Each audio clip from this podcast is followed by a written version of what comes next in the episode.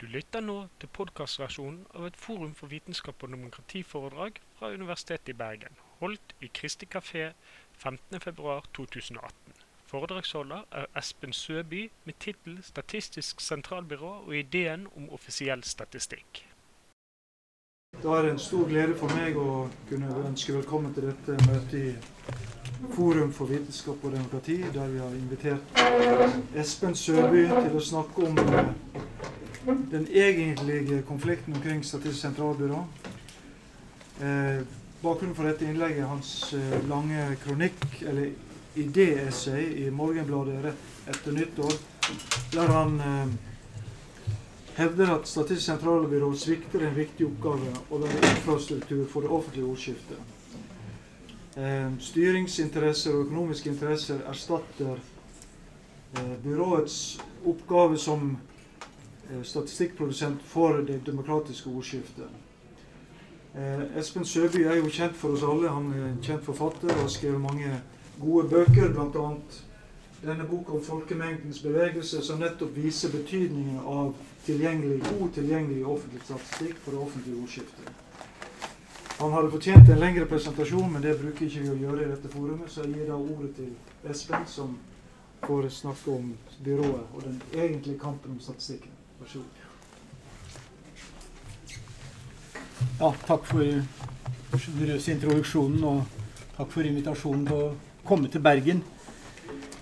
Eh, det er jo egentlig veldig rart at eh, statistikk og spørsmål om offisiell statistikk kan bli et tema på eh, offentlige møter. For det er nesten ikke et tema i Statistisk sentralbyrå engang.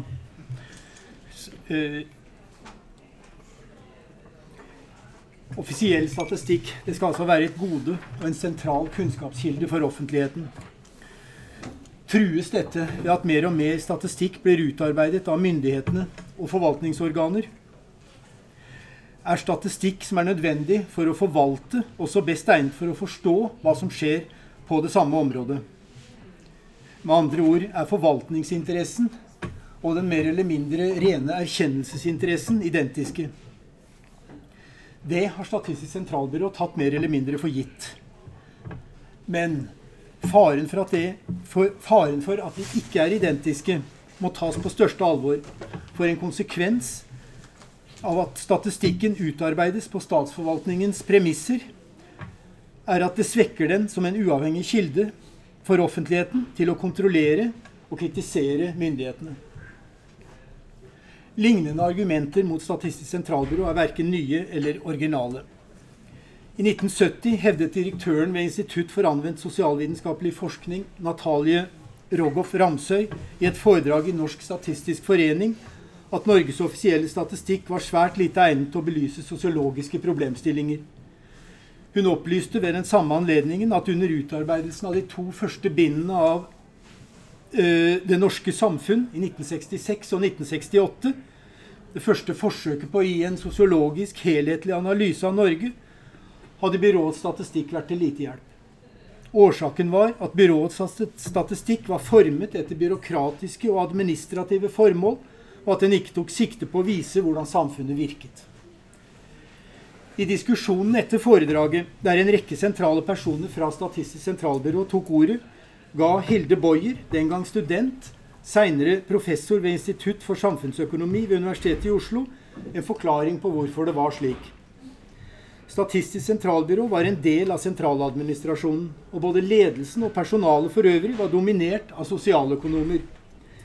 Begge deler gjorde at byråets statistikkproduksjon ble sterkt preget av interessene til makthaverne, særlig regjeringen.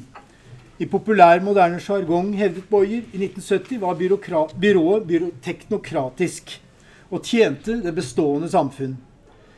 Dette var bevisst politikk fra byråets side, ifølge Boyer, og hennes forklaring på hvorfor det var slik, var en sterk faglig tradisjon blant sosialøkonomer.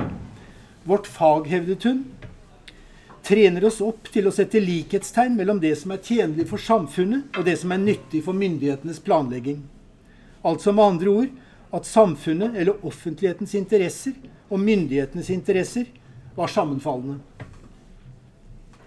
Statsviteren og valgforskeren Henry Valen hevdet om lag ti år seinere, i 1979, at den offisielle statistikken var organisert slik at den skulle tjene forvaltningen, og at, det, og at den offisielle statistikken var sosialøkonomenes forlengede arm.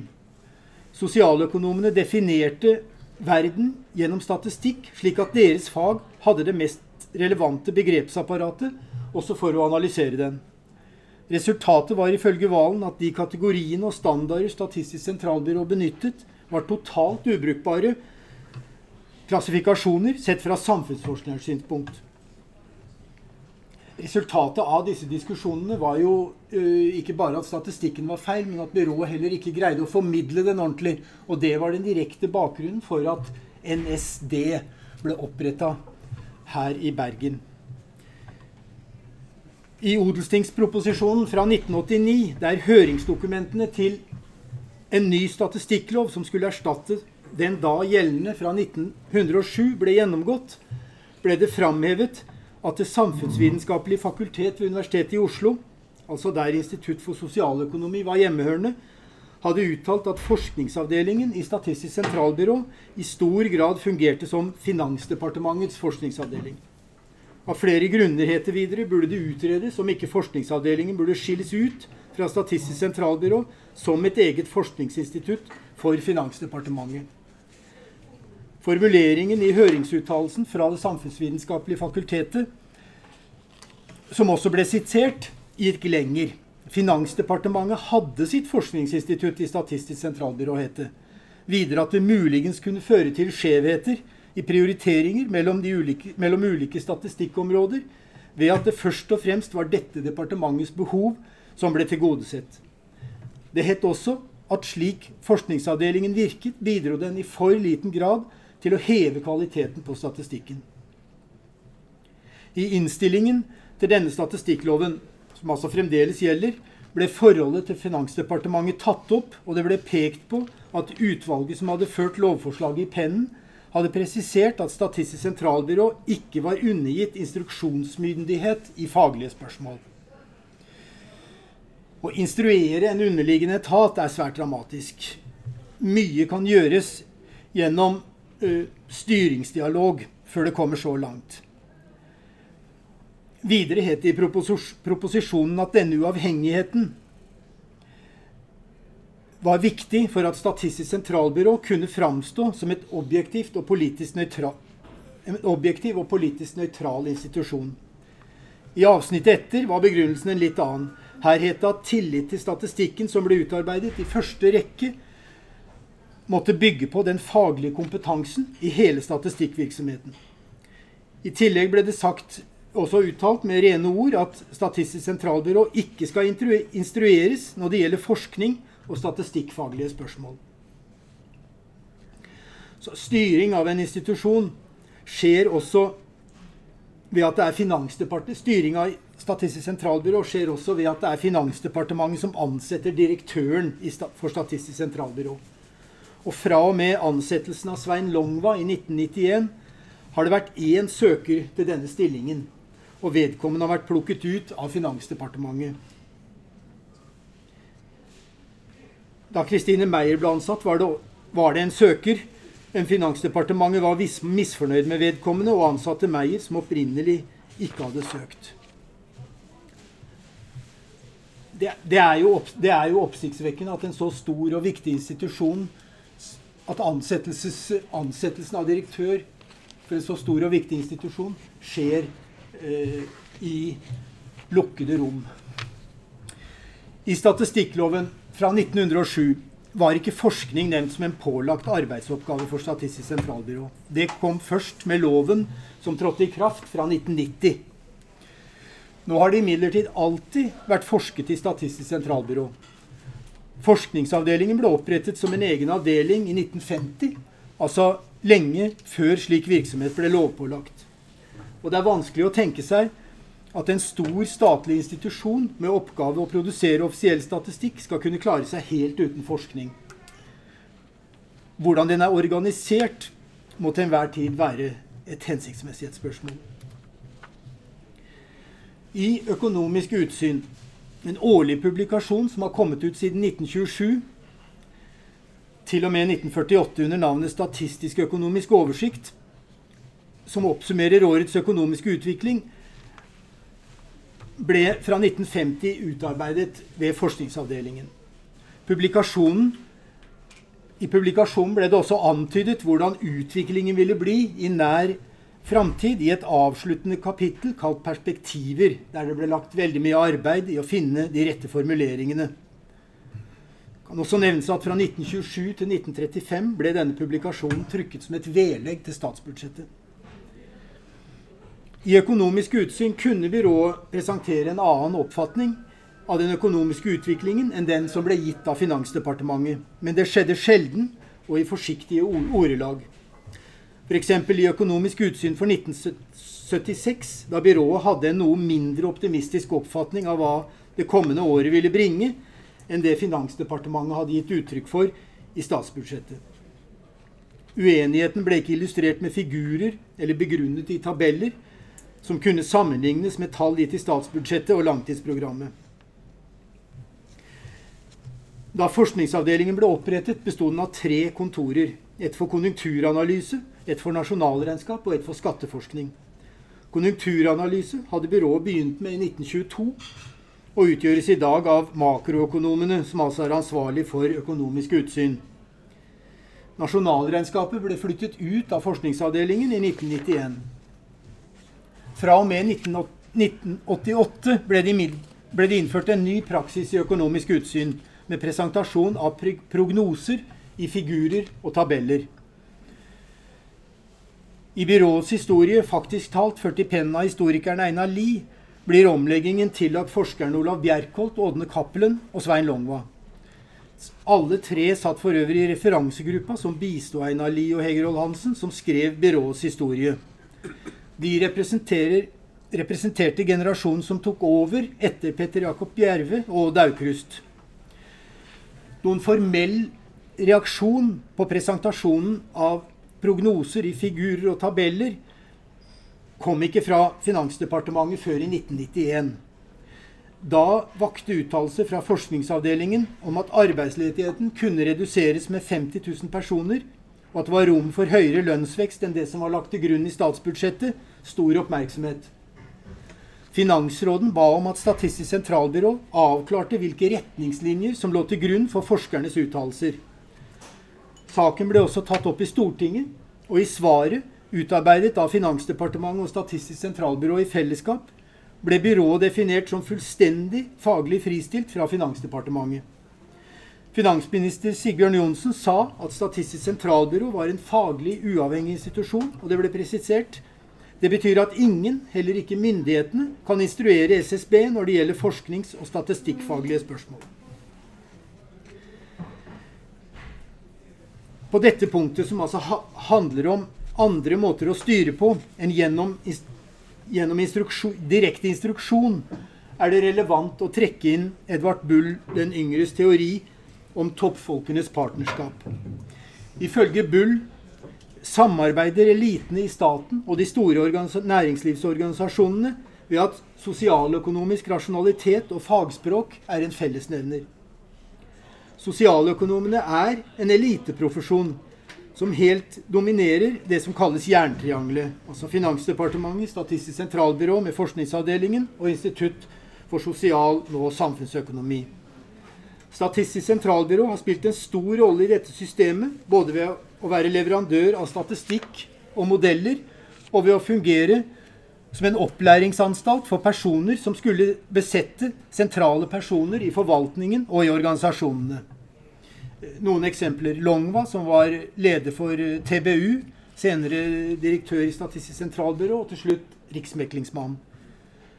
Øystein Olsen, som eh, vandra mellom Finansdepartementet, sjef i Statistisk sentralbyrå, og så til Norges Bank.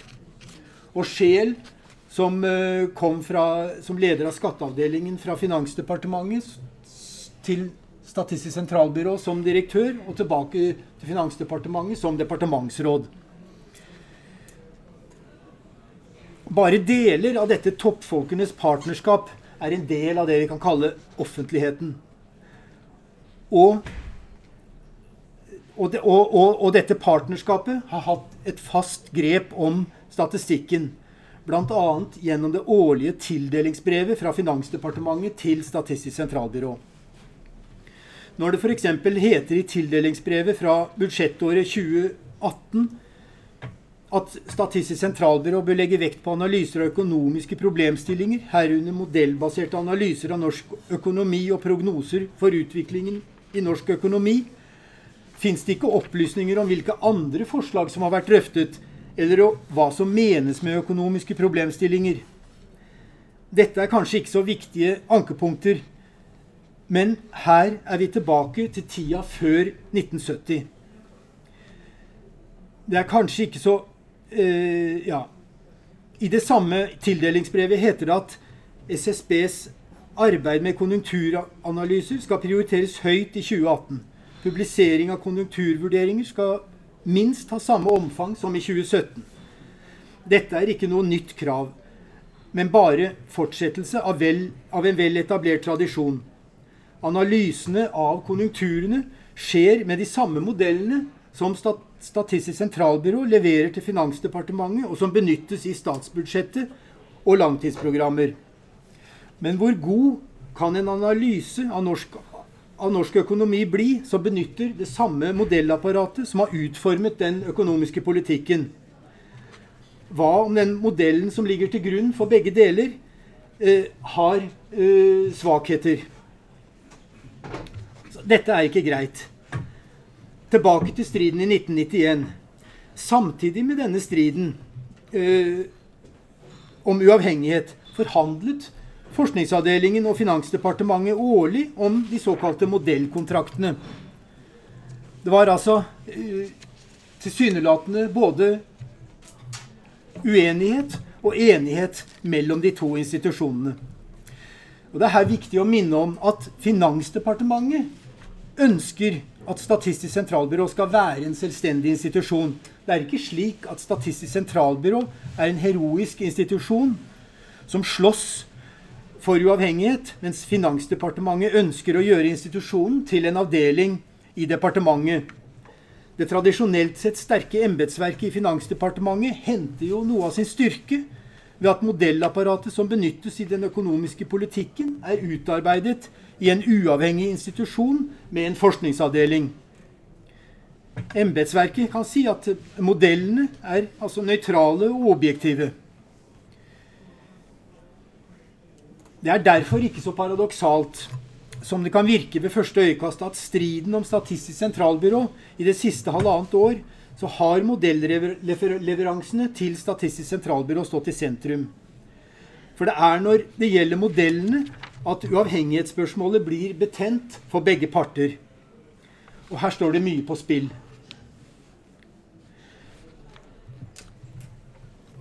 Ja, og det er, og det er, et, veldig, altså det er et veldig interessant uh, område å studere. Altså at uh, to institusjoner som begge skal framstå som uavhengige, men hvor den ene eier den andre. Altså at det blir, det, det blir veldig vanskelig. Men altså det, det, er ikke noen Altså, det er ikke Finansdepartementet ønsker like mye som Statistisk sentralbyrå at Statistisk sentralbyrå skal være uavhengig. Altså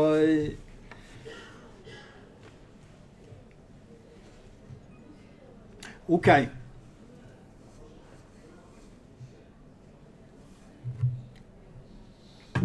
Men er dette en konflikt som skjerper opp oppmerksomheten om utarbeidelse av eh, offisiell statistikk? Eller stiller den seg i veien for en konsentrasjon om Statistisk sentralbyrås kjernevirksomhet? Altså, I løpet av om lag 20 år ble det ført en noenlunde sammenhengende kritikk mot Statistisk sentralbyrå for at sosialøkonomene var en for dominerende og hadde en for tett binding til Finansdepartementet og økonomifaget. Kritikken som ble framført gjennom 20 år, kan ses på som et forsøk sosiologer, fra sosiologer og statsvitere på å få innflytelse på et område som hadde vært dominert av sosialøkonomene. Altså en slags uh, profesjonsstrid. Kritikken var ikke helt uten virkning. I publikasjonen 'Levekår 1973' heter det at bak levekårsundersøkelsen så lå det en erkjennelse av at statistikken som inntekt og forbruk bare beskrev visse sider ved den virkeligheten som bestemmer den enkeltes levekår. Nå var denne levekårsundersøkelsen ikke initiert av Statistisk sentralbyrå, men ble iverksatt etter forslaget fra regjeringen i 1971. Og bak regjeringen igjen sto en henvendelse fra LO og DNA.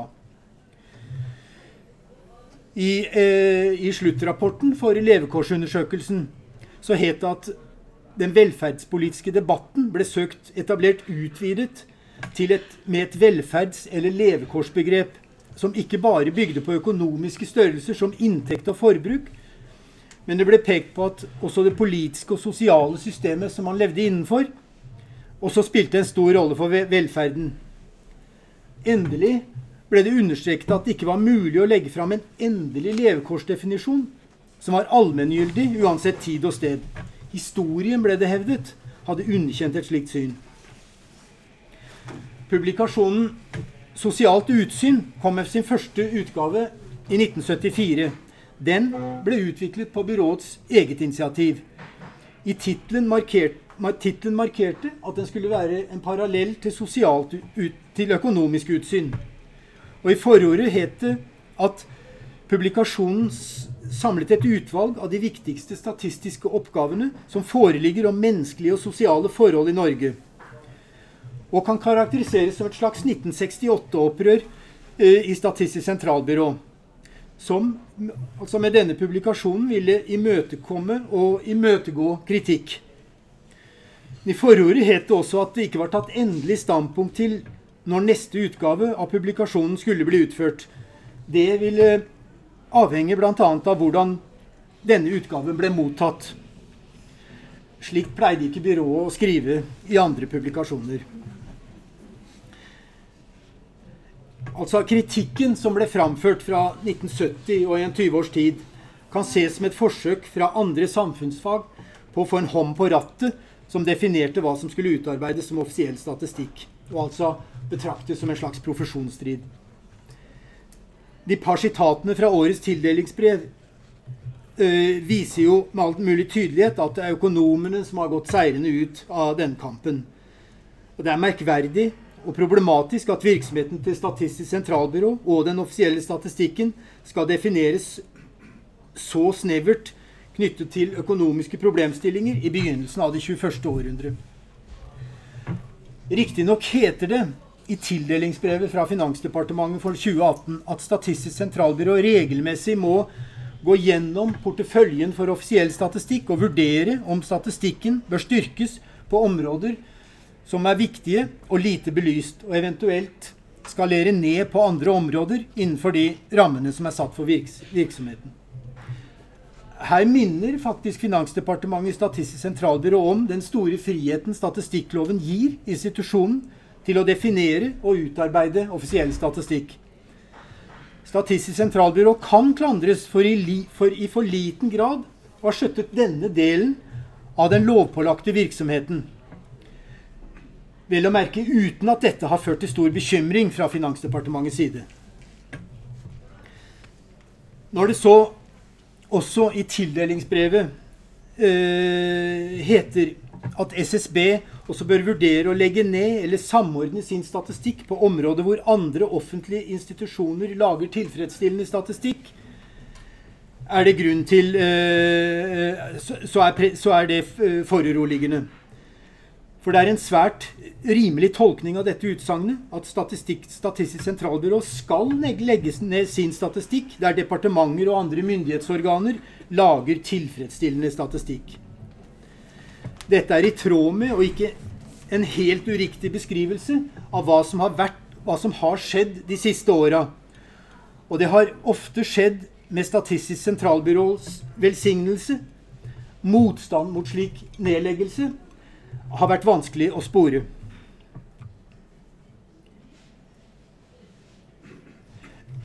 Kritikken mot at eh, økonomene er for dominerende når det gjelder utformingen av statistikken, er fremdeles gyldig. Men jeg tror likevel ikke at andre fag hadde kunnet gjøre noen stor forskjell. Og den kritikken jeg forsøker å rette mot Statistisk sentralbyrå, er at den ikke forholder seg til offentligheten som sin aller viktigste bruker. Men i dette ligger det også en kritikk av offentligheten. Den har ikke gjort stort for å ta eierskap til statistikken. Nå er offentligheten gjerne preget av kulturelle problemstillinger. Og under disse ligger det gjerne en skeptisk, skepsis til statistikk. Statistikk er et ekspertområde. Statistikk forutsetter objektivering, og enhver objektivering innebærer en dehumanisering, overvåkning og potensiell forfølgelse og utryddelse. Eh, er gjennomgangsmelodien. Men dette er ikke riktig. La meg bare gi et eksempel. Den lange tallserien for fødsler og dødsfall fra 1735 til 2017 er i virkeligheten en kultur kulturell skatt. Og jeg har forsøkt å argumentere for at denne tidsserien er mye mer verdifull enn Håkonshallen og Nidarosdomen til sammen. Slike byggverk av stein med noen romanske buer er kjedsommelig dusinvare på kontinentet. Mens denne tidsserien er unik for Norge, som er det eneste landet i verden som har den. Nå kan ikke Statistisk sentralbyrå beskyldes for å ha gjort mye ut av den, enn si brisket seg med den. Men i motsetning til f.eks. vikingskipene på Bygdøy, som ikke lærer oss noe om dagens skipsfart, har denne tidsserien bidratt ikke bare til en selvforståelse. I virkeligheten kan vi ikke forstå oss selv hvis vi ikke skjønner disse tallseriene. Og økonomisk statistikk har en tilsvarende funksjon. Hvordan kan vi forstå f.eks. For at Vestlandet og Østlandet, opprinnelig Fiske-Norge og Tømmer-Norge, via en rekke overganger nå er blitt det vi kan kalle Industri-Norge og Administrasjons-Norge. Ikke bare selve statistikken, men utarbeidelsen av den, alle funderingene og overveielsene, og endelig publiseringen av statistikken, er avgjørende for både bevissthetsdannelse og identitet. Et samfunn kan ikke være foruten dette.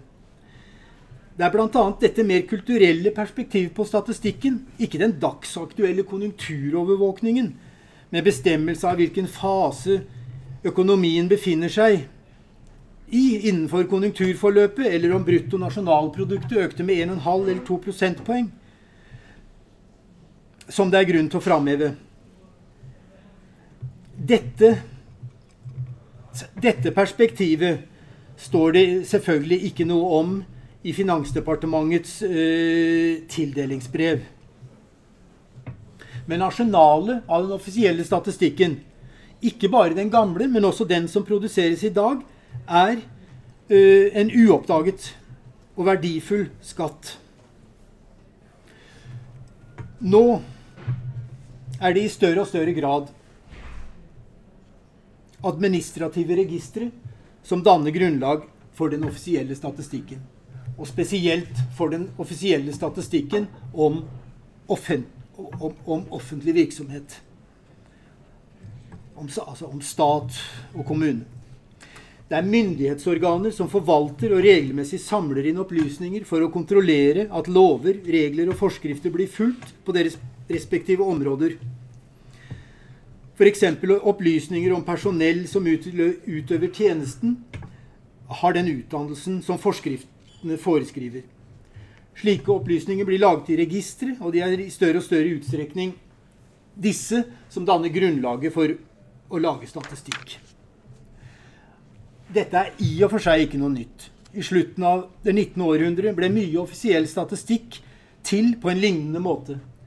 Den gangen var det årsberetningene for fengselsstyret, for medisinaldirektøren, for oppsynet med lofotfiske, for, for fabrikktilsynet osv. som inneholdt årlige talloppgaver som ble publisert som offisiell statistikk. Det statlige statistikkbyrået ble en formidler av statistikk produsert av andre. Dette er en situasjon som ikke er helt ulik den byrået står i dag, med de offentlige registrene som en hovedkilde for den offisielle statistikken.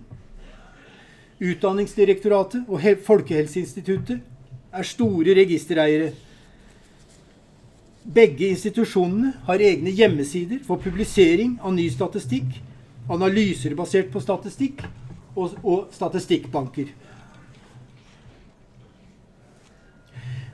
Og når det i det siste tildelingsbrevet fra Finansdepartementet til Statistisk sentralbyrå står både at utstrakt bruk av registerdata vil fortsatt være viktig, eh, så, eh, så innebærer det eh, en fare sammen med den, sammen med den andre bemerkningen de gjorde, om at der offentlige myndigheter allerede lager statistikk, så skal byrået legge ned sin. La det imidlertid ikke herske tvil om at den teknologioptimismen som Finansdepartementet her gir uttrykk for, fullt og helt deles av Statistisk sentralbyrå. Statistisk sentralbyrå har vært en forkjemper for å basere mer og mer statistikk på registeret.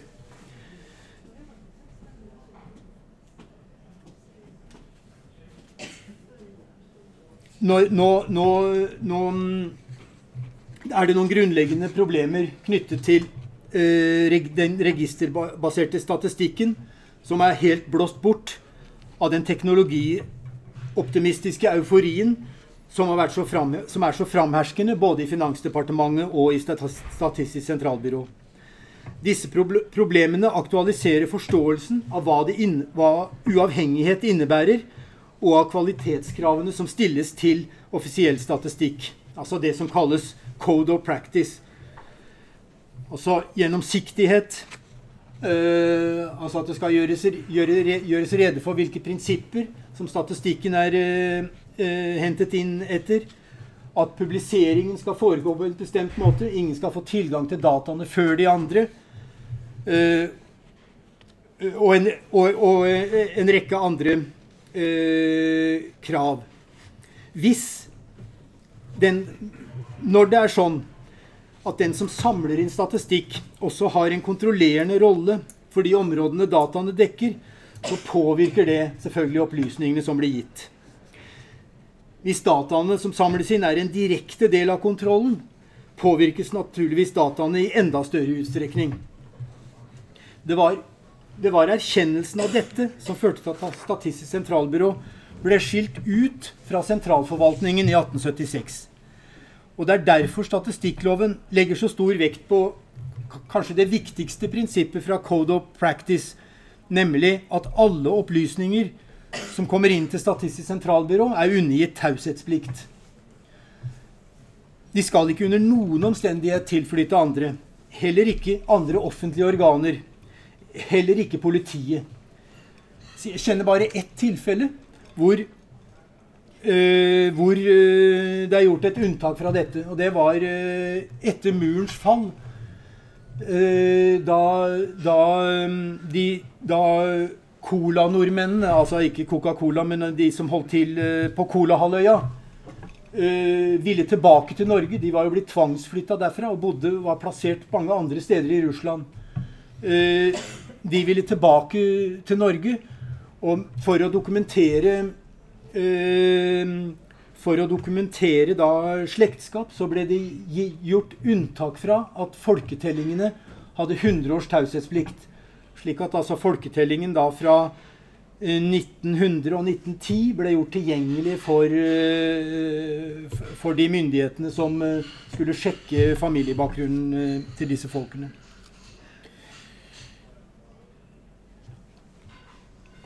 At Statistisk sentralbyrå skilles ut fra sentraladministrasjonen for å sikre relevant, uavhengig og god statistikk, er et av de Altså at det, det, skjedde i 1876, det er jo et av de fineste resultatene ved, øh, øh, ved altså kampen øh, om å ses som en del av kampen for det parlamentariske demokratiet. Men ved at den offisielle statistikken blir registerbasert, svekkes både uavhengigheten og ø, eh, kvaliteten. Myndighetsorganene innhenter opplysninger for å kontrollere sine områder. Men er, men, og da er, kommer, vender spørsmålet igjen tilbake. Men er opplysningene som det selvfølgelig er helt legalt at myndighetsorganer henter inn for å kontrollere den virksomheten de driver, også de mest verdifulle for å forstå hva som skjer på det aktuelle området. Vi vet jo også at sektordepartementene bruker statistikk for å synliggjøre sine områder. Interessekampen i samfunnet skjer jo også ved hjelp av statistikk. Og den retoriske kraften i et resonnement styrkes jo enormt av øh, at det kan gis tallopplysninger. Her er det fristende selvfølgelig å minne om David Hume, som ga råd til folk som skulle lese bøker. Som sa at uh, det man skulle se etter, det var om boka inneholdt uh, tabeller og statistikk. Hvis den ikke gjorde det, så var det bare å kaste den fra seg som verdiløs. Men Poenget med det utsagnet er jo at uh, det inneholder jo ikke noen tabeller og statistikk. Så han, han det, det, finnes en sannhet som er overordnet tabellen og statistikken, da. Heldigvis.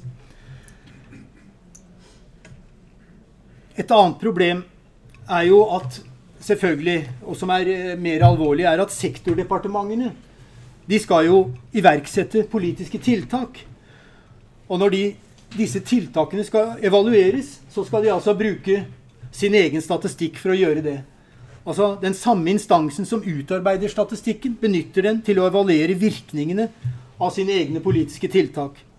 Det er heller ikke greit slik eh, er det jo i land som vi ikke liker å sammenligne oss med.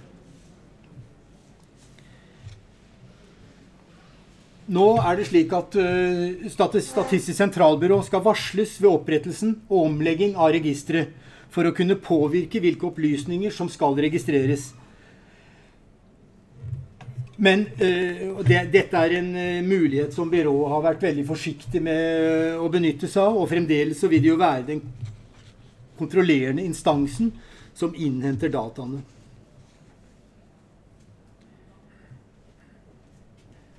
Jeg vet ikke hvor lenge jeg har holdt på nå. 36 minutter. Hvor lenge skal jeg holde på? Ikke så veldig mye lenger. Ja. Det er altså nødvendig å stille et annet spørsmål. Eller det er nødvendig derfor å stille spørsmålet Har Statistisk sentralbyrå vært i stand til å ivareta og forsvare statistikkens uavhengighet?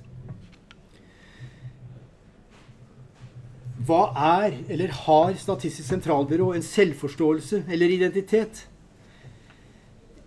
Ja, jeg tror det. Men jeg er ikke fornøyd med den. I 2004 opprettet Statistisk sentralbyrå et statistikkråd. Det består av 23 institusjoner. Alle er forvaltnings- og myndighetsorganer og registereiere. I alfabetisk rekkefølge fra Brønnøysundregisteret til Utlendingsdirektoratet. Rådet skal bidra til å samordne produksjon og formidle offisiell statistikk, og sørge for uavhengighet, kvalitet, relevans og dekning osv. Ingen institusjon eller organisasjon som representerer offentligheten eller forskningen f.eks. For universiteten, er representert i Statistikkrådet. Kun sentrale myndighetsorganer som er registereiere. Men hva er offisiell statistikk? Det består ikke bare av, den skal, ikke, den skal ikke bare bestå av enkeltopplysninger i form av tall. De skal samles og utgjøre et hele. Så det ligger i ideen om den offisielle statistikken at den skal gi systematisk kunnskap om samfunnsutviklingen for og i offentligheten. Det jeg kaller ideen om offisiell statistikk, hviler i en bestemt forståelse av forholdet mellom statistikk og offentlighet. Altså offentlighet og statistikk. Noen vil kanskje reagere på at jeg gjennom bruken av konjunksjonen og sidestiller offentlighet og statistikk. Er ikke det litt vel sjåvinistisk på statistikkens vegne? Klarer ikke offentligheten seg utmerket godt uten statistikk? Og har ikke statistikken det best når den kan trekke seg tilbake og danne sin egen koselige statistikkoffentlighet av likesinnede og inneforståtte? Altså et slags parallellsamfunn der man kan sitte i fred og revidere standard for yrkesklassifisering og den siste varenomenklaturen for utenrikshandelen fra Eurostat.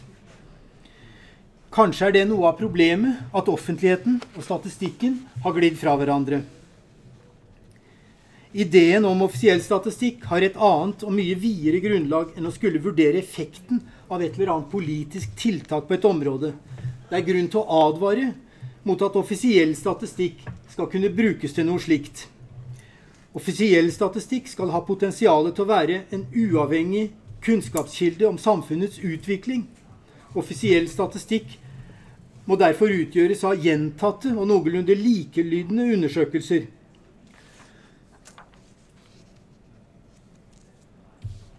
Den borgerlige offentligheten krever en fri debatt. Og derfor er en fri presse helt avgjørende.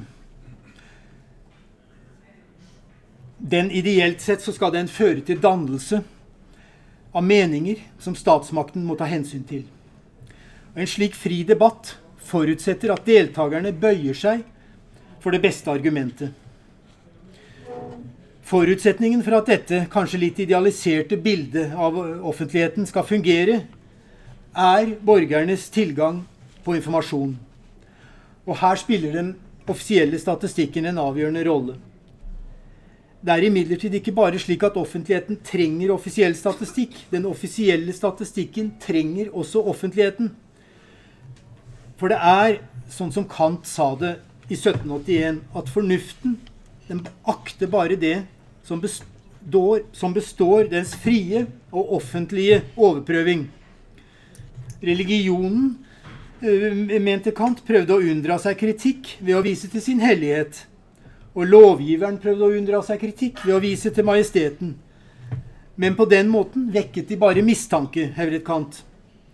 Og kanskje er det slik at offisiell statistikk også forsøker å unndra seg fornuftens granskning ved å søke tilflukt i forvaltningen i mer eller mindre lukkede, inneforståtte miljøer, preget av ofte av unødvendige forvanskninger. Kant sa jo også at prøvesteinen for det en holder for sant, er muligheten for å meddele det samme og finne ut at det en holder for sant, er gyldig for hvert menneskes fornuft.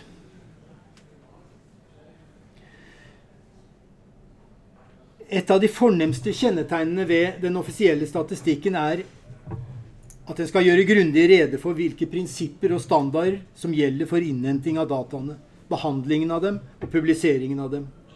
Alt som har med produksjonen av statistikk fra oppgavegiver til bruker, skal være gjennomsiktig. Det skal ikke legge skjul på bruk av vurderinger og skjønn som inngår. Men når mer og mer av statistikken blir registerbasert, så er jo ikke Statistisk sentralbyrå i stand til å gjøre rede for hvilket skjønn som er brukt, og heller ikke hvilke, alltid hvilke prinsipper som brukes ved innhenting og etableringen av registrene. Her har Statistisk sentralbyrå forsømt seg.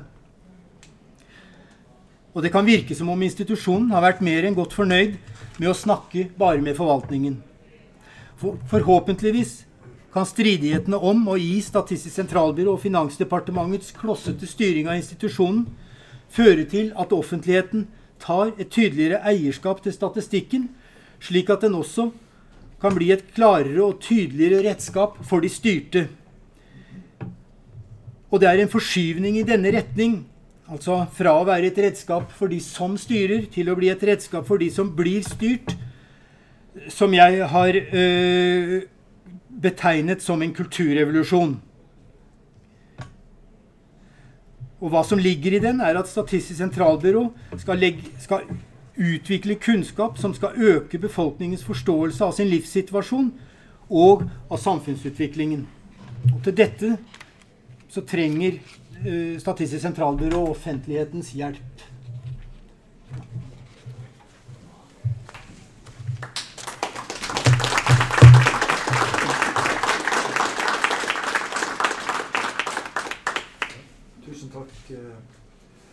Espen. Vi har fått en dyster historie presentert, både når det gjelder byrået og det offentliges evne til å endre det. Og spørsmålene, Noen av spørsmålene vi stilte, var jo om det er mulig å tenke seg en forandring. Men eh, så er det åpen for diskusjon i dette temaet. Hvis noen tør.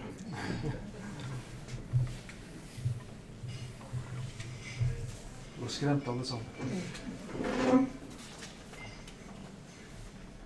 Ja, nei, men da kan du, kan jo gjerne Vi altså vi har en sosiolog som vil Ja, så bra. Ja, så bra. Ja, eh, mitt navn er Hans Store Hansen, professor på Sosiologisk institutt. Jeg syns det var et veldig godt og tankevekkende innlegg. Eh, Levekårsundersøkelsene som du viste til, de var jo før på Sosiologisk institutt og eh, Økonomisk institutt var jo sentrale i etableringen av den. Så eh, man kan jo stille spørsmål hva, hvorfor måte, forsvant de fra Universitetet i Bergen. Og den historien som jeg har hørt, var jo rett og slett at det var noen altså i miljøet, Det var rett og slett vanskelig sant, å holde et datasenter ved like i forhold til ulike interesser og kritikken som kom mot kvantitativ forskning. Eh, og også sant, at det var ikke noe, det var på en måte et system som gjorde at man var i stand til å håndtere det. Så det klart altså, det som skjedde, det var jo da at det kom over til, til byrået. Eh, så Fra mitt perspektiv som sosiolog så kan jeg si at det, det som skjedde, det, det var jo på en måte at levekårsdata på en måte, det ble standardisert og strukturert sånn at alle de tingene som skjedde i samfunnet, sant, med, masse omveltninger som skjedde i perioden, det har ikke på en måte levekårsdata vært i stand til å håndtere. på en måte. Så da blitt opprinnelig så tenker jeg sånn levekårsdata det var jo på en måte et, et instrument på en måte målet som skulle forsøke å fange opp det som skjedde i norske samfunn. Når det var hos oss sånn som tenkte, jeg så var det på en måte en diskusjon knyttet til det, og så ble det flyttet over til byrået, sant? og så forsvant den, den, på en måte denne kritiske potensialet i det. Og det er klart sånn som nå, ikke sant, når levekårsdataen på en måte i tillegg blitt en del av EU-SILK, ikke sant, som del av et stort internasjonalt databasesett, så er jo mulighetene til, til å bruke eh, levekårsdataen til å si noe om den faktiske levesituasjonen i Norge, det er blitt enda eh, som sagt, eh, vanskeligere. Eh, og så kan man si at, at eh, Sett fra forskere så kan man stille spørsmål hvorfor engasjerer ikke forskere seg i, i den, den, situasjonen vi har. Og der tror jeg at Det er kanskje flere ting. Altså, ene er jo det at eh, eh, altså, Situasjonen for forskere i dag det er jo rett og slett sånn at vi har enorme mengder med gode datasett tilgjengelig. Så sånn at det, jeg tror det handler litt om kapasiteten, at vi har så mye data. at det rett og slett eh, Sammenlignet på 70-tallet så, så er det på en måte vi er litt sånn eh, altså vi er blitt litt for, for eh, mett og godt stilt i forhold til, til å delta i den kritiske spørsmålet. Liksom jeg, si at jeg var jo med i, i når det første registerdata ble, ble, ble etablert, altså den eh, Kirut-databasen. Eh, og da, min erfaring fra den tidlige perioden ikke sant? For det første som sosiolog så hadde jeg en voldsom diskusjon med både byrået og med departementet om å få med yrkesopplysninger. Eh, for mitt argument var jo det at du kan ikke si noe om klasseforhold i norske samfunn hvis du ikke har med opplysninger. Og der var jo kommentaren fra økonomene og fra departementsfolkene det var at klasse var en interessant tematikk å studere i Norge. Så derfor hadde de første registerdataene vi hadde i Norge, så var ikke de var i stand til å si noe om klasse. Men det er jo blitt etablert eh, mye med de nye eftertrade, så er jo kommet inn yrkesopplysninger som gjør at, at vi måte kan stand til å si noe om klasse. Men så kan man si at slags type klasseforståelse som man kan være i stand til å si noe om. Så det kan man jo som sosiolog så tenker man at det skjer jo fryktelig mye debatt om klassetematikk som han heller ikke får, får med seg. Eh, ja, det var det jeg hadde. Det var en kommentar. Ikke? sant? Mm. Vil du kommentere kommentarene? Ja, altså le Levekårsundersøkelsen blir jo fremdeles laget altså, jeg tror hvert annet år. Og, blir, øh, ja, og har blitt gitt ut som en publikasjon, men nå blir den vel bare øh, altså, publisert på nettsidene til øh, byrået. da. Men, men, men, men byrået har jo ikke har lagt veldig liten vekt i å analysere den. Altså så, så, Sånn at det er bare Altså de, de, bruker den, de bruker den ikke til å analysere De bruker ikke undersøkelsen til å analysere resultatene. Og da blir det bare liksom en gjentagelse av akkurat det samme år etter år etter år. Altså at den ikke blir, altså at den ikke blir forandra, sånn som jo de var klar, altså, man var klar over i den første utgaven at øh, levekårsbegrepet må, må, må endre seg. Det er litt det samme som jeg tenkte på den arbeidskraftundersøkelsen. Jeg forsøkte å få av data for å si noe utover tid. Sant? Byrået dere slett jo med med arbeidskraftundersøkelsen i stand til å lage tidsserier. Ja. Men hvis vi som forskere skal få samme tidsserie, så, så, så er ikke de Altså, jeg brukte flere måneder på å forsøke å tilrettelegge den. Sant? Så, så fra, fra den, den brukervennligheten for forskerne så der er en altså skott i forhold til, til, til det som dere sjette gjør i byrået, det som forskerne Det samme med levekårsdataene. Hvis du ser på de levekårsdataene som de har i England, så er det tilrettelagt for, for, for å, å, gjøre analyser over tid. Altså det, den brukervennligheten i forhold til de norske levekårsdataene er helt annerledes. Så, så ja, det har vært for uh, det har vært for dårlig når det gjelder uh, altså, å lage tidsserier og gjøre de tilgjengelige. Det har vært uh, altfor dårlig. Og liksom, det som heter historisk statistikk, det er mitt arbeidsområde faktisk i Statistisk sentralbyrå. Så her ja, er jeg skyldig. Ja, da går vi over til en økonom. Kan økonomene bidra her? Nei, det skal jeg ikke påta meg. Men jeg, jeg hadde et spørsmål. Det er jo veldig kjempeinteressant. Og, og de, de perspektivene. Men det, er sånn en test på som jeg lurer litt på, på det du har som, øh, som utgangspunkt, med, med liksom at øh, hvis jeg oppfatter det riktig, at liksom statistikken mer reflekterer behov for, styr, for, de styrende myndigheter, og, og som på en måte sånn sett skulle tenke skulle legitimere sin, sin mm. politikk. da. Uh, mye av denne statistikken og registrene og sånt brukes jo for så vidt til evaluering av ulike tiltak. Og, og vi vil jo da tro på en måte at hvis, hvis det er riktig at det liksom eh, er, er, sånn bestilt at det er en bias i det, sånn at resultatene ville gå i favør. Og jeg, jeg, jeg, altså jeg, har ikke noe som jeg kan observere umiddelbart vil si at eh, statistikken gir resultater som ville være bekymringsfullt i retning av en sånn bias, altså bestillers uh,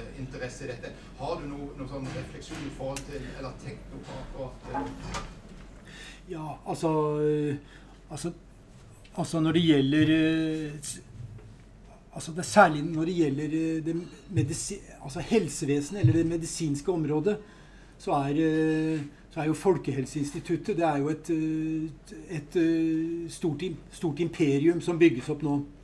Og, og med, og med altså det som kalles for livsvitenskaper, som liksom skal være satsingsområdet, det, men, det mener jeg er eh, det er, altså, det er farlig for det er farlig for Statistisk sentralbyrå.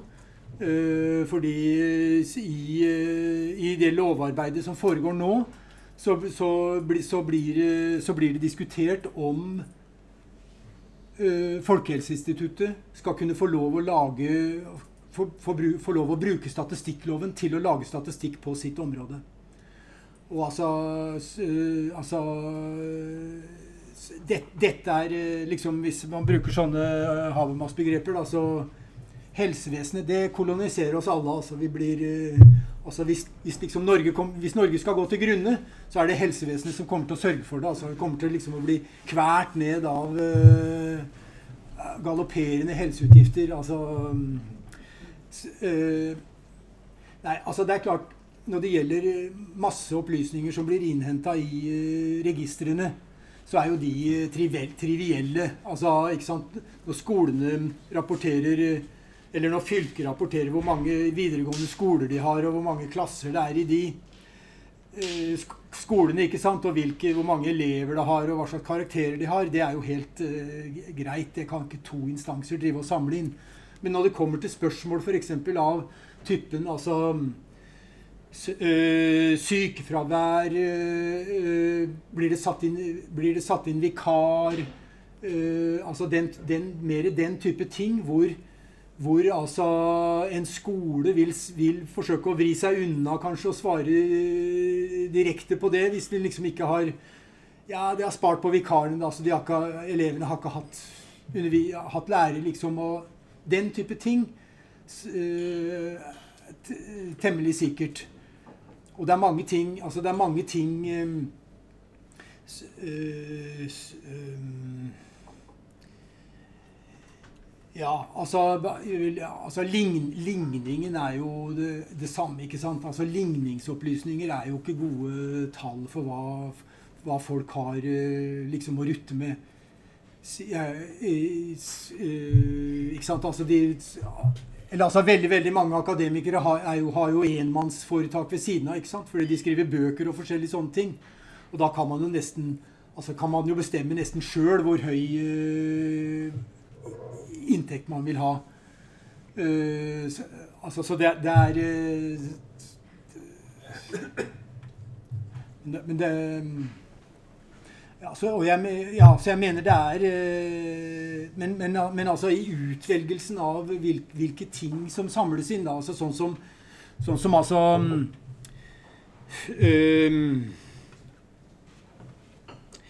Helseinstitusjonene de er jo interessert liksom i hva slags utdannelse personellet har. Altså at det er masse personell som ikke har noen helseutdanning, som arbeider i helsevesenet. Det er de mindre interessert av. Men det er jo sånne ting som man må ha for å lage et nasjonalregnskap, og, ikke sant? Altså, ja, og som er veldig viktig. Altså at det er eh, s, eh, Ja. Men, det, det, er jo ikke ja. sånt spørsmål om man ja. liksom, altså, altså, Da kan være feil altså, sånn at ikke man får med det, om, det, om det er systematiske feil i en eller annen retning. Det, det er jo mer om, om, om det blir Og så er det ja. som du sier, som er et veldig godt poeng, selvfølgelig, at det, altså, det er klart, det, det, er jo én ting med det vi mangler av ja. altså, det, vi, det, som forskere vi kunne hatt lyst til å, å, å finne ut av søren, eller hvorfor ikke det er der. Og det kan jo være en, en ting som Nei, men ikke sant, jo, men ikke sant, vi vet jo vi, altså liksom Når det gjelder uh, vi, vi, vi, vet jo at uh, uh, de, de, de, eller de byene, eller de sentrene i Norge som, som vokser, det er jo de som har helseinstitusjoner, utdanningsinstitusjoner og store kulturinstitusjoner. Men, eh, men liksom det det, dette har ikke helt gått opp for det statistiske systemet, liksom. Altså at det er dette som, er, eh, det, dette som fører til altså stor eh, økonomisk aktivitet. Og som, og som, fører til vekst. Og vi har jo liksom vi har, veldig, altså, vi har dårlig informasjon om vare- og tjenesteforbruken ikke sant, i helsevesenet. Så, ja, sånn at ja, mens, liksom, mens, mens altså på, på, mye, på, mye, mindre deler, som liksom industrien og sånt, så har man veldig detaljerte kunnskaper om uh, altså de forskjellige vare- og tjenestegruppene. Men som liksom er forsvi, forsvinnende lite. Altså, så, ja, så det har det er liksom ja.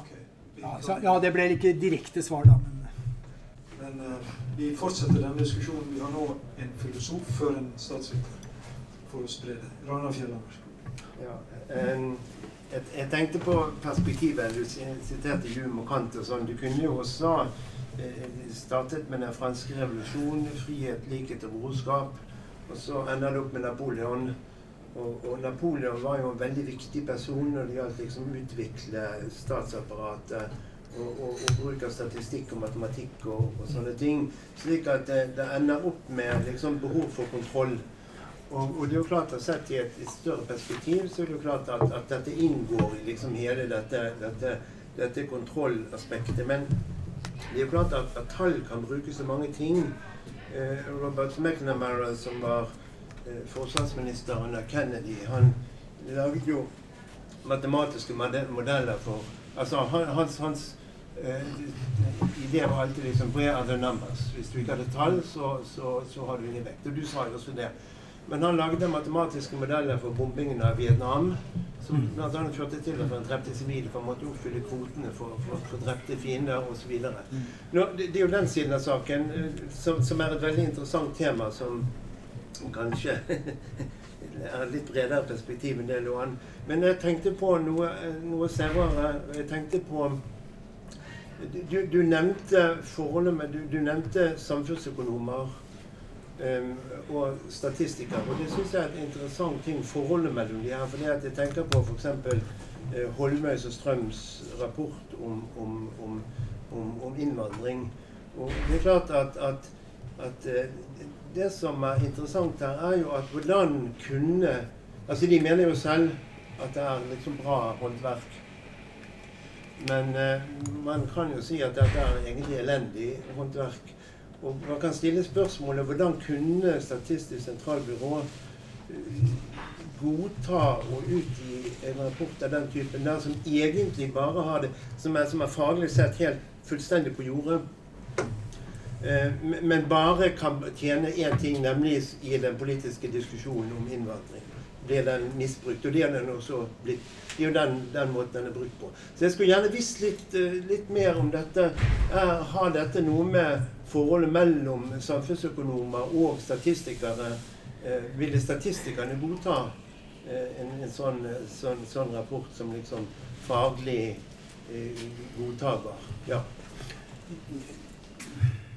Ja, altså Statistisk sentralbyrå har jo godkjent den rapporten. Og, no, og, noe, av, og noe, av, problemet der var jo at, uh, var jo altså at uh, det i, i, tildelingsbrevet for 2016 så ba Finansdepartementet om at uh, DMEC, denne modellen, skulle videreutvikles. Og da, og da, er spørsmålet altså Kan Statistisk sentralbyrå si nei til noe som står i det tildelingsbrevet? Og det kan Statistisk sentralbyrå gjøre hvis eh, Hvis det er et betalt oppdrag, så kan det si nei.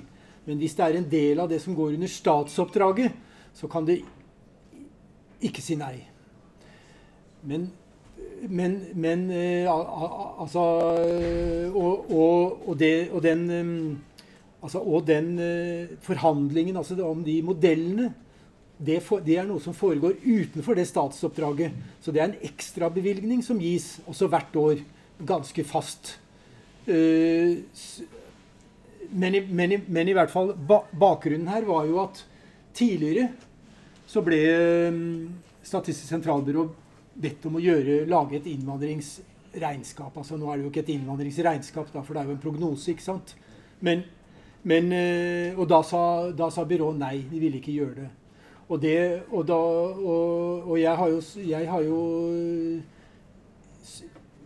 framført, og det er, jo, det er jo derfor jeg har kommet i, det er, det er jo derfor jeg har tvilt på om det er mulig å kulturrevolusjonere Statistisk sentralbyrå. Fordi det nå har gjennomført en sånn undersøkelse. Og det er jo altså, direktørmøtet i Statistisk sentralbyrå som har beslutta det. Det er jo ikke de, ikke sant? Altså, det er de som er ansvarlige. Og det er sånn, er jo sånn i Statistisk sentralbyrå at det er, det er, jo en sentralisert institusjon. Alt som kommer ut derfra, skal godkjennes. Det er ikke som et universitet hvor altså hver enkelt uh, er ansvarlig for sine mer eller mindre egne ting. Innafor noen rammer som er gitt. da. Så hvor, og, og, ledelsen i byrået har ikke gitt noen begrunnelse for hvorfor det var riktig å si nei da Longva sa nei, og hvorfor det var riktig å si ja nå. Og det er, eh, det er svakt, selvfølgelig. Og det er, det er, rett og slett ynkelig. Uh, og meget pinlig. Uh, fordi fordi uh, Altså fordi Altså men, men, jeg, men, jeg, men, jeg, må bare si at internt så har det vært veldig lite diskusjon om det. Og det er få som er og det er få som er, mot, altså, det er få som er mot det. Fordi liksom hele spørsmålet om innvandring har, jo, har, jo, liksom i, i en forstand uh, har i en forstand snudd. Uh, grunn, grunnen til altså Når det gjelder det med statistikk og kontroll, så vil jeg si at uh, Altså at liksom Den første folketellingen der i Frankrike i 1800 var, altså var ikke bare Napoleon, det var jo også en del av eh, revolusjonen, ikke sant? Altså en slags ettervirkning av franske revolusjonen. Så var, den, den, er jo Den er ikke bare Altså, den er ikke bare kontrollerende. Men jeg vil, jeg vil føye til det at det er Altså, det er når det er når statistikken blir brukt sånn som den har blitt brukt, til å um, karakterisere mennesker gjennom bare én egenskap. Altså sånn som vi Nå liksom del, Nå blir nesten all statistikk delt i eh, innvandrere og øvrig befolkning. Og da, innvandrere, da, liksom, det, det da, da karakteriserer vi folk gjennom én egenskap, og kun det. Og det er, det er, skummelt. Og det har byrået drevet med før de lagde en statistikk som het de spedalske. Altså, ikke sant? Det var jo mennesker da som ble karakterisert bare fordi de var smitta av en sykdom. Eh, ikke liksom at de hadde andre egenskaper eh, eller hadde andre eh, ting. Og det mener jeg den I det så ligger det en dehumanisering. Og, og altså folketellingene har blitt brukt, ble jo brukt til å, til å, kontrollere og som en del av uh, assimileringspolitikken overfor samer og kvener. Og kan si at mye av den innvandringsstatistikken som drives nå, er også en del av en sånn slags assimileringspolitikk som, som, vi jo uh, vi, tar, vi, vi, tar, jo nå avstand fra den assimileringspolitikken vi drev overfor samene, men vi liksom har begynt på en ny, en ny runde. Det, det grelleste eksempelet i i statistikkens historie, det, eller, i, eller, i, norsk statistikk, det er vel eh, altså folketellingen i 1845 hvor omstreiferne, eller taterne, ble telt, men de ble ikke tatt med i folketallet. Isteden så leverte man liste med hvem taterne var, til de lokale lensmennene. Altså, det er, det, det er en veldig stygg historie. Men jeg kan jeg kan nevne nå at for et par år siden så fikk vi etter mye forhandlinger tatt de 1146 omstreiferne inn i folketallet for 1845, da, som nå er de kommet med ja, det var liksom litt mye Ja, OK. Det var litt for langt. Altså, det er jo klart at All statistikk er jo ikke kontroller, men, men, men, det er jo klart at for Napoleon så var det kontroll. og Det er et viktig motiv her. og Jeg bare tenker på det, det ideale frihet, likhet og brorskap. Og så kontroll. Det er jo det som Steven Tolmin kaller for modernitetens skjulte agenda. Og det er viktig å være klar over når man også ser på det moderne samfunnet at dette er mer eller mer, ofte mer og mer fremtredende. Og det er klart med moderne teknologi så er det jo snart ubegrenset eh, eh hva man kan kontrollere. Men, eh, men, eh, men, det var i grunnen ikke det jeg ville si. Det, det gjelder dette med, med, med Statistisk sentralbyrå, innvandringsgreiene og Holmøy og Strøms rapport. Jeg skrev faktisk en ja, kommentar i Bergens Tidende ja, som fikk relativt stort oppslag. Og meg bekjent så har de ikke svart på det. Og det er interessant fordi at det var et møte her hvor jeg bl.a. kritiserte Cicero. Mm. Og, og, etter det ble det en debatt, og da ble det svar både fra kommunikasjonsdirektøren i Cicero og en av forskerne i Cicero, slik at det førte faktisk til debatt. Og dette vis, viser jo forskjellen i, i mellom disse institusjonene. Og jeg syns det er ganske skremmende at man har en så stor institusjon som kan vise den form for arroganse at de rett og slett bare avfeier en sånn kritikk uten å, uten å i det hele tatt prøve å svare? Absolutt. Ja, jeg er helt enig. Altså, ja da. Altså, jeg ble kalt inn på teppet til direktøren etter den artikkelen i Morgenbladet. Og, og, jeg må rapportere når jeg, og jeg er blitt invitert mange steder til å snakke. Jeg har vært i Trondheim og nå her, og så skal jeg på Universitetet i Oslo i begynnelsen av mars. Og da er eh, kommunikasjonsavdelingen veldig bekymra for eh, liksom, om jeg er klar over hvilken rolle jeg har. Og, altså, altså, så øh, men, men, de inviterer ikke til noe eget møte internt. Sant? Altså, så, så, så, det er det jeg sier at altså, offentlighet er offentlighet er veldig viktig for altså, men det er, eh, det er Statistisk sentralbyrå er veldig arrogant, og derfor kan de la være å svare. ikke sant? Da får vi Tor Øyvind Jensen. Takk for veldig inspirerende innlegg og synspunkter. Eh, statistikk er jo både frigjøring og kontroll. Og jeg skal ende opp med et lite spørsmål til den positive sida. Og jeg føler du har lyst til å være en agent for det. Eh, det du beskriver eh, som eh, jerntriangelet, eller gjerne firkanten hvis vi inkluderer Norges Bank, er jo absolutt en god beskrivelse av en styringstenkemåte som var herskende i Norge og akseptert av befolkninga, demokratisk vedtatt. Enormt kraftig, enormt undertrykkende, men også enormt frigjørende. Og det gikk jo ikke så galt som vi kunne ha vært redd for hvis vi sammenligner med andre land som har hatt så sterk statlig styring over statistikken som, som Norge har hatt. Så det gikk ikke helt galt. Eh, og så går vi tilbake til byråets tidligere historie, hvor byrået helt opplagt var en viktig agent styrt og initiert og i debatt med Stortinget for nasjonsbyggingsprosjektet. For å oppdage levekårsproblemene i, i, på landsbygda og deretter i arbeiderklassen. Så vi har byrået som en slags alliert i en stor og ganske hyggelig politisk prosess. Og så lukker det seg inne i et uh, profesjonsstyrt, modellstyrt prosjekt som ikke kommuniserer så mye, men som altså har, som i hvert fall er tvetydig. Mm. Og så er det da spørsmålet hvor går vi nå? Mm. Og det er helt opplagt at nå er det jo endring. At byrået er jo den siste si, hjørnet i firkanten som ikke har dødd ennå. Mm. altså, det er jo lagt ned Avdelingen i Finansdepartementet er jo lagt ned. Det er ikke hegemonisk lenger, disse modellene man bygger på. Og så er vi i en nydanningsfase, og så trodde jeg at den eneste eh, måten å nydanne på, det var Kristine Meyer, som nå har tapt et slag, og hennes uh, idé om markedsgjøring, oppdragsgjøring og hardere markedsstyring og en helt ny rolle. Men så antyder du at vi kanskje kan komme tilbake til den tidligere rollen med byrået som alliert med politiske prosesser, mye bredere i samfunnet og en mye annerledes diskusjon. Og det er jo veldig optimistisk og veldig flott. Men du høres litt pessimistisk ut, så jeg vil gjerne høre litt om mulighetene. Ja, altså um, Nei, altså jeg, jeg, jeg mener at uh, altså, altså, på enkelte områder så, så så har opplagt uh, byrået hatt også i senere tid uh, en slags ombudsmannsfunksjon.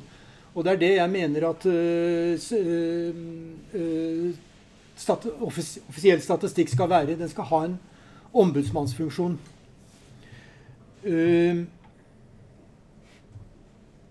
Og, da, da, og, da, og, og, i det så ligger det særlig, særlig da overfor Altså offentlige myndigheter. Men altså med, det, er jo, det, er veld, altså det, er jo, veldig mye Det er jo veldig mye statistikk altså som har blitt For det der med å knytte, med å knytte statistikken til politikken, det er også et sånn tvetydig sverd. Fordi eh, det er blitt gjort i stor grad som en del av uh, New Public Management. Altså, så har de laget uh, statistikksystemer som bl.a. gjør at du skal kunne kommunene skal kunne sammenligne seg med hverandre. ikke sant? Så De skal konkurrere med hverandre om hvem er den beste eldreomsorgen, hvem har de flest barnehager. ikke sant? Og, og, og det er også Altså det er, det, det, er det, det er, ikke det, jeg mener. Altså, liksom du skal du bruker statistikken for liksom å lage konkurranse i øh, offentlig sektor. Altså det øh, øh, Det ble jo gjort mellom skolene som har forskjellige resultat, og det, det ja, altså det er, det, er også, det er, jo også, noe som skjer i offentlig regi, ikke sant? det ikke, så, så, så, det er jo ikke det vi mener med det, det er jo ikke det som er å gi, gi, gi statistikken en ombudsmannsfunksjon. Men, er, men, men, jeg er helt enig i at det er altså, tilbake til den liksom, det, det, er tilbake til den uh, gullalderen, som det het, da, hvor, uh, hvor altså for, uh, Et av de mest lysende eksemplene var jo at på 1880-tallet eh, så, så, så, sa norske eh, fabrikkeiere at de måtte drive med barnearbeid fordi konkurrentene deres i utlandet drev med barnearbeid. Og da var det en eh, i byrået som heter Moen, som var fra Bergen for øvrig, broren til han meteorologen, som altså brukte, brukte fabrikkstatistikken og sammenligna med andre land og kunne vise at det var tobakksfabrikkene eh, og fyrstikkfabrikken i Norge de brukte mye mer barnearbeid enn tilsvarende i utlandet. Og Da fikk han i oppdrag av Stortinget å lage en uh, lov om uh, barnearbeid. Uh, så, så det, det, som blir Det som blir, blir, diskutert, og som er spennende med den nye loven som legges fram ja, faktisk bare om en måneds tid, det er jo altså om Statistisk sentralbyrå vil bli flytta fra Finansdepartementet. Eventuelt altså kan det underlegges Stortinget, sånn som Riksrevisjonen. Øh, eventuelt Kunnskapsdepartementet. Altså, sannsynligvis så kommer ikke det til å skje, men det kan jo men det, men det kan jo være ja, en, en, mulighet. Ja, da har vi en økonom til. Ja, Kjell jeg jeg er professor i, i samfunnsøkonomi. Eh, veldig interessant diskusjon dette her. Eh, som, som, samfunnsøkonom så har jeg ingen problem med å se at eh, vi har hatt, eh, altså faget har hatt en veldig eh, sentral posisjon. Kanskje for sentral. Det er et stort spørsmål som jeg ikke skal svare på. men jeg, først en kommentar. dette her med å framstille samfunnsøkonomene som ei gruppe, som ei stemme, blir litt feil. Og en sånn er det uenighet mellom statistikere og samfunnsøkonomer. Jeg kan iallfall slå fast at det er uenighet blant samfunnsøkonomer. Altså, Samfunnsøkonomen Holmøy har lagt et, eh, et innvandringsregnskap basert på modeller som samfunnsøkonomene som sa til det utvalget som var for som innleda eh, den, omstilling, den omstillingen som kom. leder Meyer, mente at disse modellene er ikke gode nok. De er heller ikke faglig mål. Hele det utvalget består av samfunnsøkonomer. Utklekker har sine doktorgrader fra Økonomisk institutt. Eh, de fleste av dem. Magne Mogstad, eh, f.eks. Eh, Kjetil Storsvetten er jo professor på Økonomisk institutt, som mener at forskningsavdelingen i Statistisk sentralbyrå er for dårlig, og de bruker modeller som ikke er faglig gode nok. Eh, så her, her er det og, og eh, og samfunnsøkonomene sine syn på innvandringsekteskap. eh, mening i å lage innvandringsekteskap spriker. Det, det, er ingen samla enighet der. Men eh, det er en annen ting som ligger meg på hjertet. Jeg lever eh, av å analysere administrative registerdata. Jeg har gjort hele mitt virke på universitetet. Eh, og det er et fantastisk kraftig verktøy som kommer veldig mye ut for, for oss som driver med empirisk forskning. Ikke bare økonomer, men også sosiologer. Kollegaer i utlandet er, er misunnelige på disse fantastiske Det er ikke det at vi har så mye mer registerdata, men, men den tilgangen som vi har, eh, norske forskere er helt unike. Så vi, vi, pleier å slå oss på brystet og si at vi har verdens beste registerdata til disposisjon som kan brukes til kritisk analyse av, av norske myndigheter og bli gjort rett og slett. Men det som har skjedd de siste årene, er at Statistisk sentralbyrå helt på egen hånd har funnet ut at de skal ta sin betalt for utlevering av disse dataene. Jeg har ikke fått med meg at Finansdepartementet har gitt dem noen beskjed om å gjøre det. Men det er blitt sånn at den siste bestillingen som jeg hadde fra min forskergruppe, betalte vi 700 000 for. Jeg vet at kollegaer på Sosiologisk institutt har, har lignende historier, eh, der pris har rett og slett sett en stopper for hva slags data for denne typen registerdata som har vært mulig å få ut.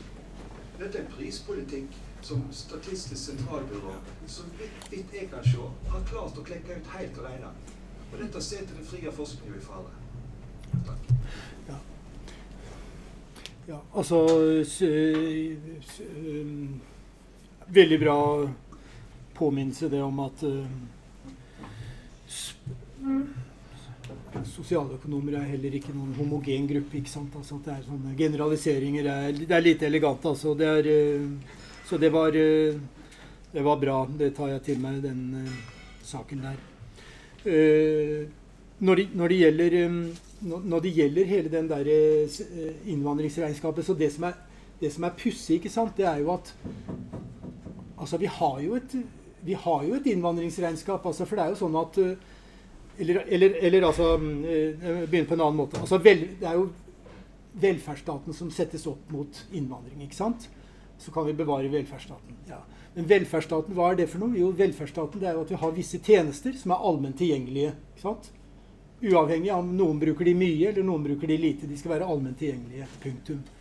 Men så, når man skal da lage en sånn eh, Men så går man men så, så, hopper man liksom ut av den velferdsstatstenkninga. Og så begynner man å tenke på hvilke grupper som bruker eh, noe mye og lite.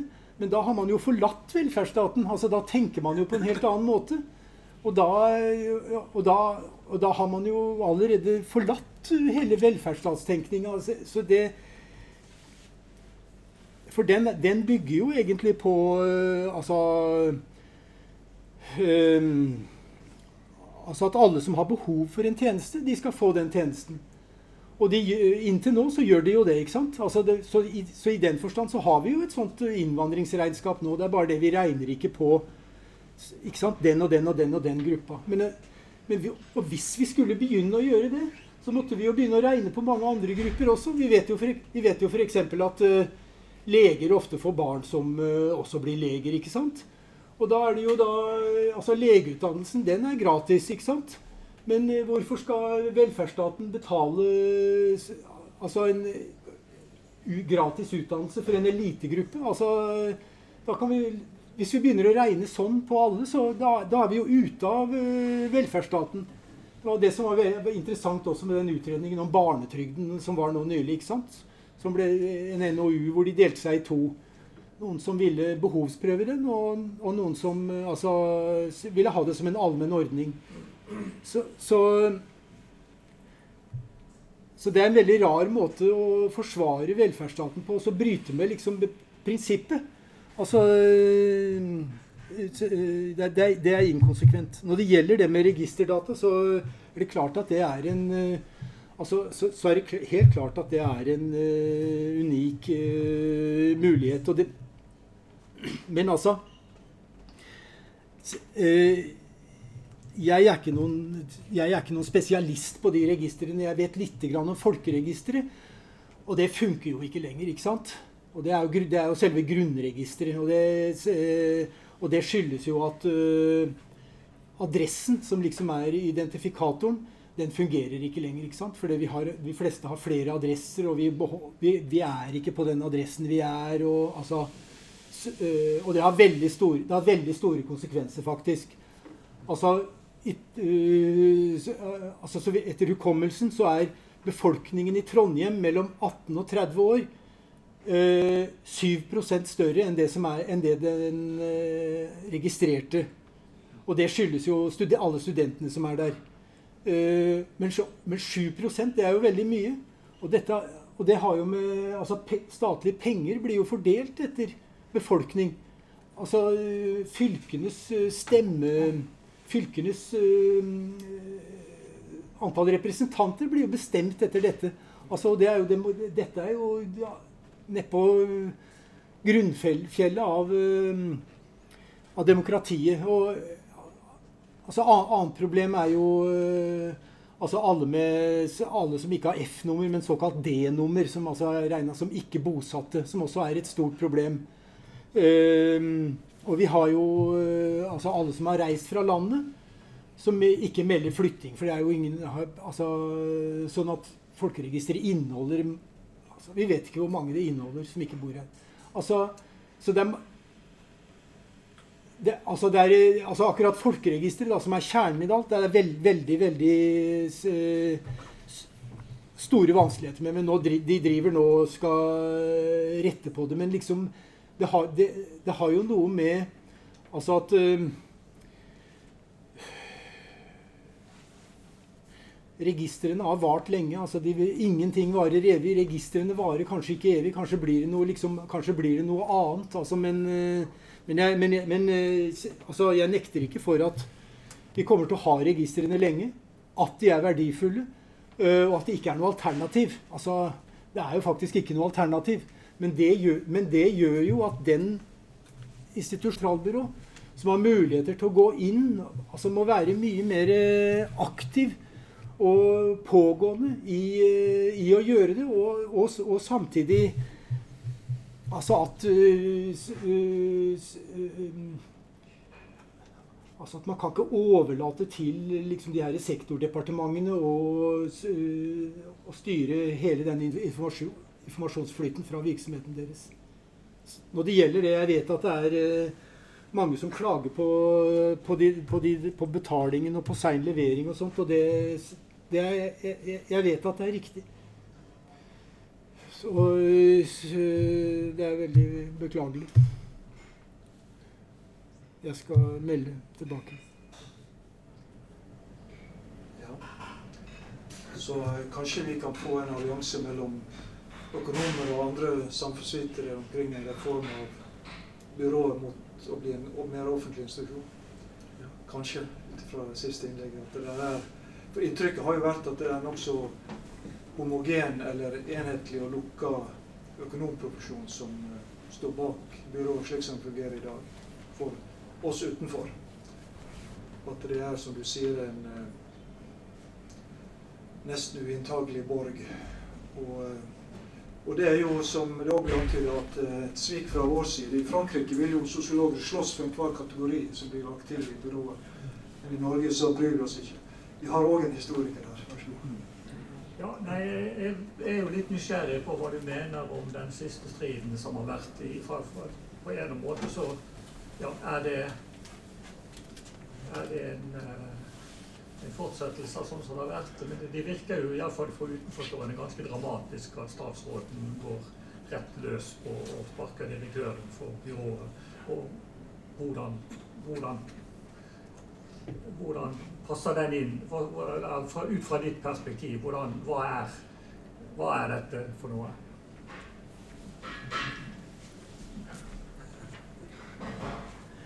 Nei, altså jeg jeg har jo ikke noen sånn uh, Jeg jobber med historiestatistikk. Og så liksom sitter langt unna alle møter hvor uh, disse tingene har foregått. Uh, jeg var jo til stede på, den, på det allmøtet hvor Kristine Meyer Hvor det hadde vært i radioen og TV kvelden før at hun hadde trukket seg. Men hvor hun på allmøtet da sier at hun ikke trekker seg og fortsetter. Det var jo en en kraftfull En kraftfull uh, markering. Altså, det var det. Men uh, Ja. Men altså Nei, nei altså, jeg Nei, altså Byrået har vært i altså, altså, har hatt midlertidige ledere i lang tid. Altså og, og, det er liksom ikke Nå, nå, nå, har, nå har, vi fått en uh, Vikølen fra Norges Bank som fungerer inntil som fungerer en stund. Og så er det et eh, sånn headhuntingsfirma i gang etter, for å finne en ny. Men altså, men altså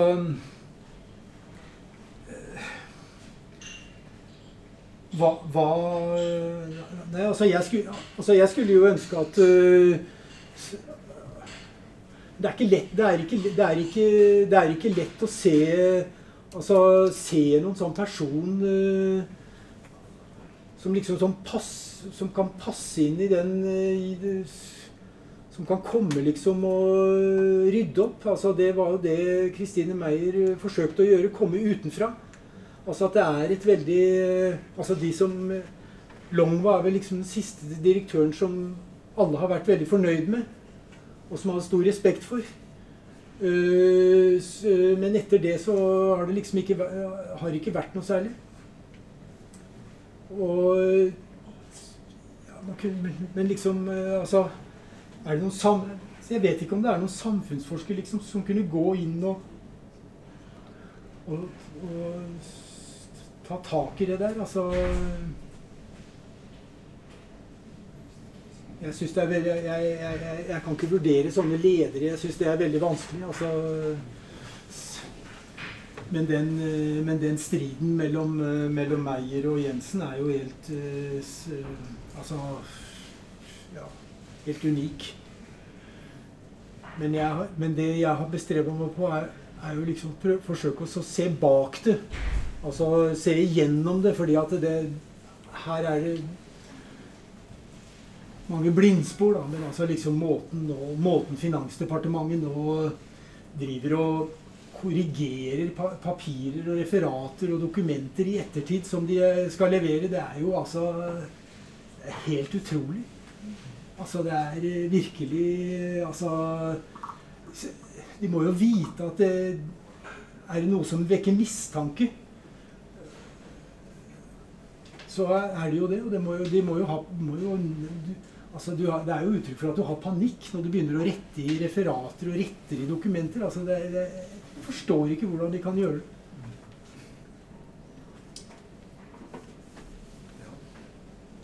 Så da er vi for så vidt ennå lever i det usikre når det gjelder den konflikten. Men det er altså ikke en konflikt mellom ulike greiner av økonomprofesjonen. Men det er en konflikt mellom ledere av forvaltning og andre deler av forvaltningen. Ja, si, ja. Nei, når det gjelder det med økonomer, så vil jeg Jeg har jo vært i byrået siden 1985, og jeg, altså, jeg, jeg har kommet godt ut av det med mange økonomer. altså De har vært veldig altså, jo, men, jo, men, jo, men altså Det har ikke vært noe Det har ikke vært noe vanskelig i det hele tatt. Altså veldig mange Altså det er veldig mange folk i, i Statistisk sentralbyrå i mange, på, på, mange forskjellige nivå som er altså veldig åpne og kvikke. Det, og det er altså det er veldig utfordrende Altså det er en det er en veldig spennende institusjon, og det foregår veldig mye viktig der. Den legger premisser for veldig mye annet, og derfor er det Derfor må den ikke overlates til seg sjøl, altså, og i hvert fall ikke nå. Hvis vi nærmer oss slutten, så vil jeg bare få si at jeg tror denne forsamlingen støtter deg i ditt kulturrevolusjonære forsøk. Og gjøre statistikken til noe som en del av demokratiet, og ikke bare en del av styringen. Og markedet er noe som burde, vi alle burde være opptatt av. Og spesielt eh, nå når statistikken skal brukes til å drive fram den nyliberale styringsformen, altså skape konkurranse mellom alle enheter, der det ikke er nasjonal statistikk lenger, men sektorstatistikk, og statistikk om elementer i sektoren som konkurrerer med hverandre. Skole mot skole, sykehus mot sykehus, universitet mot universitet. Og om ikke lenge når vi blir for bedriftsstyring av universitetene, så kommer vi bare til å sammenligne oss i en konkurranse med de andre universitetene. Så da bryr vi oss ikke om nasjonal statistikk for kunnskapsutvikling. Så da, siden klokka nå er over tiden vi har fått, så hvis det ikke er noen veldig brennende spørsmål om noe veldig viktig, så sier jeg mange takk for frammøtet. Og opplysninger om framtidige møter vil komme senere. Og tusen takk til Espen for at han tok veien over fjellet.